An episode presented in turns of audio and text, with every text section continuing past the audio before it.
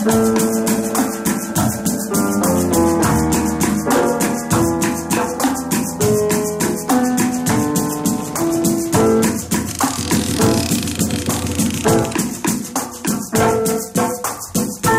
l'amor d'un home a l'amor per una cançó. Per una cançó i només una. Uh, Ramos, això no m'ho pensava mai de tu. No? No em pensava que tindries una cançó preferida de la vida.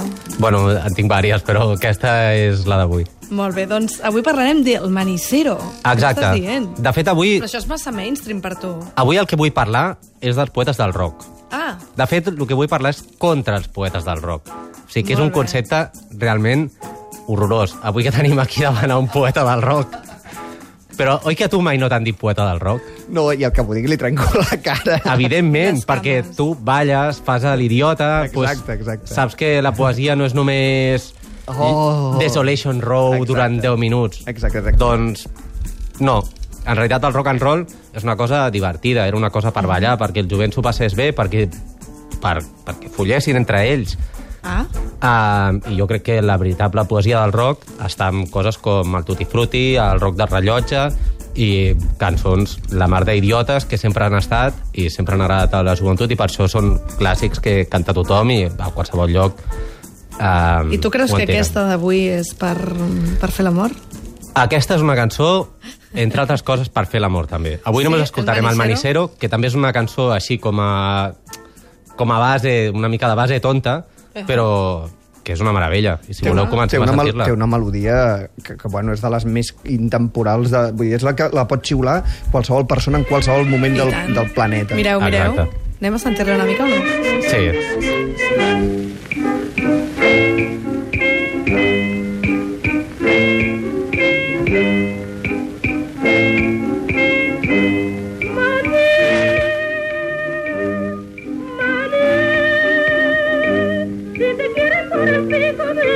Divertir, tómate un cucurruchito de maní.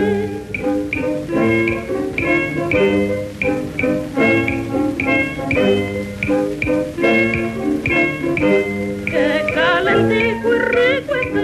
ya no puedo Doncs la veu que estem escoltant és la de la Rita Moreno, que va ser la primera persona que va gravar aquesta cançó a l'any 1927 i la que va una mica desatar la fiebre pel manicero i per la música cubana als Estats Units. Uh -huh. Uh, bueno, la cançó és, és una mena de pregó, com els que es podien sentir als carrers de l'Havana i als carrers, de fet, de qualsevol lloc, amb un venedor ambulant explicant el seu, el seu producte. Uh, I, bueno, és una cosa que podeu sentir a qualsevol lloc on hi hagi alegria. Uh, un senyor, una senyora, que ven un cucuruchito de maní, que maní són els cacauets, és com li diuen a, com li diuen a Cuba. Els cacauets han donat molts temes musicals, eh? La veritat és que sí, molts temes musicals i no només musicals. Um, bueno, jo què sé, un dels millors còmics que s'han fet mai és, no és. Peanuts, Sí, Ah, cacahuetes Clar, clar, del, clar. del Schulz.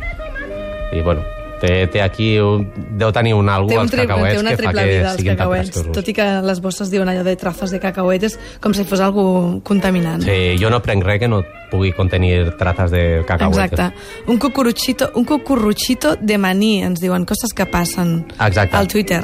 Aquesta és una cançó que han cantat a quasi tots els grans artistes llatinoamericans del segle XX. L'ha fet l'Ant- l'Antoni Machín, l'ha fet el Julio Iglesias, l'ha fet la Celia Cruz, es Recuona Cuban Boys, i també l'ha fet un dels meus ídols personals, que és el grandíssim Bola de Nieve.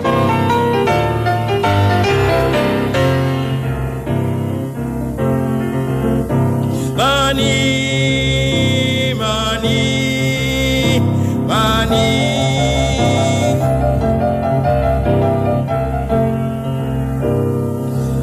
Que si te quieres por el pico divertir, cómprame un cucuruchito de maní. Quina potència, eh, aquest tio. Sempre Doncs sí. bola de nieve. Aquesta, la veritat és que estàvem parlant i deia el, Ens queda una mica llagrimeta, eh? que com sempre seria la millor i sí, sí, sí. La veritat és que sí. bueno, um, Tu has dit, en tinc una reservada pel final, noi. En tinc una reservada, però no sé si seria millor. La història és més bonica, en tot cas, però bueno. Uh, jo tinc diverses cançons d'aquestes fetitxes que sempre que trobo amb un disco amb, on es veu un senyor gran i, i així una mica groguenc, doncs dic, ai, mira, no sé què hi ha, però té el Senyor gran doncs me la i pillo. groguenc. Sí, No és que tingui Ah. hepatitis, no, sinó que és el disco que...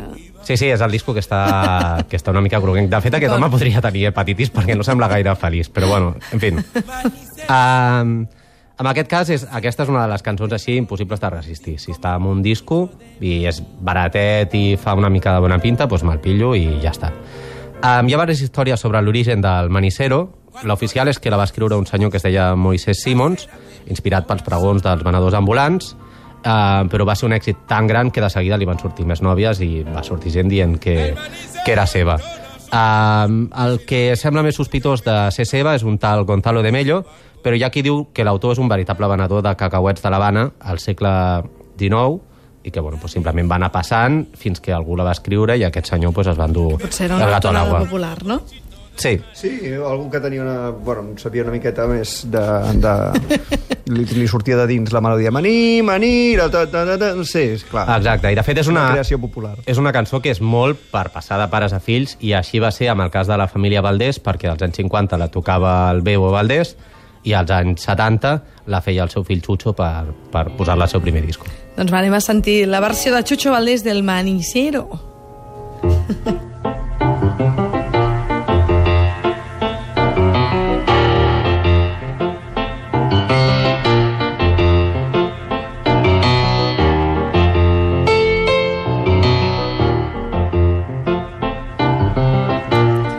que encara no acabo d'entendre, Kiko... Ai, Quique, Quique, Quique. perdó, és Manicero, Kiko...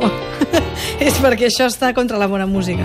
Bueno, no, no, això està contra els poetes del rock. Ah, d'acord. que se suposa que són una cosa tan fantàstica i de són la de quintessència temes- de la I que sofisticació. han de parlar de temes elevadíssims i mai d'un cacauet. Ah, exacte. De I menys de- amb aquests termes de Sí, si te de quieres canvi- por el pico divertir. Exacte. Exacte, o sigui, Les avui hem- metàfores han de ser una miqueta més treballades. No, no, avui hem de canviar el títol, no? ulls. Avui hem de canviar el títol del, de la secció. Sí, podríem fer-ho. Vale, podríem cada- canviar-ho cada setmana, de fet. Molt bé, doncs... doncs... Va parlar d'un altre manicero. Sí, va. Um, tant si és una, amb una orquestra de ball com si és amb un piano fent rotllo jazzístic, és impossible que sigui avorrit. I, de fet, és una d'aquestes cançons que també fan servir com aquesta de mena de discos mostrarios per, per ensenyar un instrument. Amb el cas que anem a sentir és una mena de, de, de demostració amb tot de cançons típiques tocades amb una marimba. Oh, guai. Disco Gruben. És superdiver, aquest. Me'l vaig pillar pel manicero, eh, només.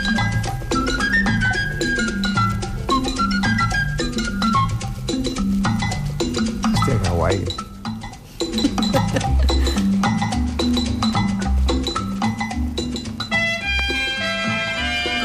Molt bonica, això. Doncs ja veieu per on van els tiros. Um, crec que no he sentit mai una cançó de una versió del Manicero que no sigui molt divertida. Però he sentit una que és la que té la millor història de totes. Uh, bueno, el, els ritmes del son cubano són, són uns ritmes que van arribar a la illa de Cuba doncs, a través dels esclaus de, d'Àfrica que portaven, bueno, que portaven els espanyols i els, i els negreros i llavors es va anar com creant aquest ritme. Llavors, durant els anys 50, quan a, quan a l'Àfrica es, van, es van començar a independitzar alguns països, va arribar com una ràdio i els grans èxits del moment, i hi havia països doncs, que van reconèixer com aquestes melodies cubanes quasi com a pròpies. I al, al Congo doncs, va passar una cosa bastant... Bueno, una mica curiosona, i és que durant els anys 50 es va posar molt de moda doncs, precisament per això, perquè els ritmes eren seus, amb unes melodies noves i més modernes, i van començar a fer son cubano, doncs, cantat amb el seu, amb el seu idioma. Algunes d'aquestes cançons eren directament versions amb lletres inventades, eh, com una del Manicero que escoltarem ara. És una versió d'un tal Adigua de Pala i és fruit d'un error, d'un error, perquè el tio es veu que al Congo hi ha un nom de dona molt comú que és Moni, amb, amb accent a la I, i llavors ells sentien aquesta melodia Moni. tan preciosa amb aquest nom de I dona per ells "Vine i pensaven cacauets". això és impossible això és impossible que vagi sobre un cacauet evidentment és una cançó que va doncs, Sobre la Moni. sobre la Moni i és una cançó d'amor Money, money, non day. exacte Money, money, non day. Money, money,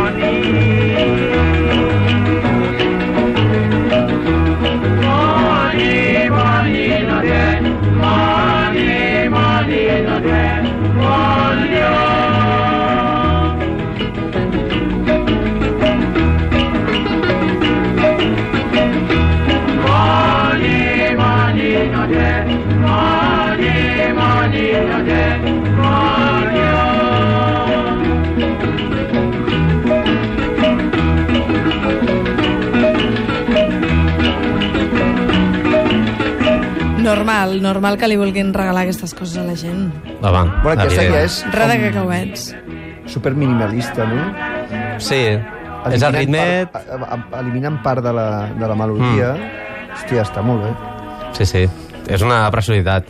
I ja veieu doncs, que a la música no hi ha temes ni petits ni grans, ni necessites doncs, això, 10 minuts I de del carretera de la desolació ni merdes d'aquestes. Així que jo us voldria demanar, des d'aquest humil programa, si és que hi ha algun músic a l'altre costat escoltant-nos, si us plau, deixeu de fer frases subordinades per una puta cançó de rock. Torneu a divertir-vos por el pico i I no us toqueu els i, collons. I parlar de cacauets, no? Ah, exacte. Si toqueu-vos els cacauets, si us recordareu del que sou.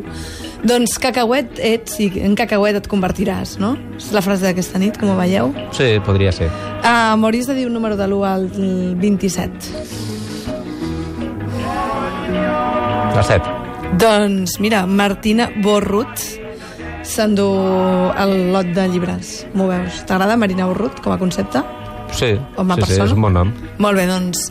Quique Ramos, moltíssimes gràcies. Maria Isar, Míriam... No, anava a dir Míriam Riau. Míriam Riau sembla tenir els pensaments, però no.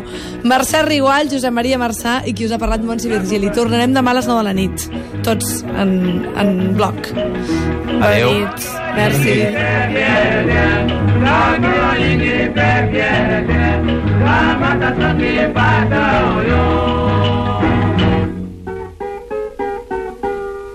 Moni, moni, no de.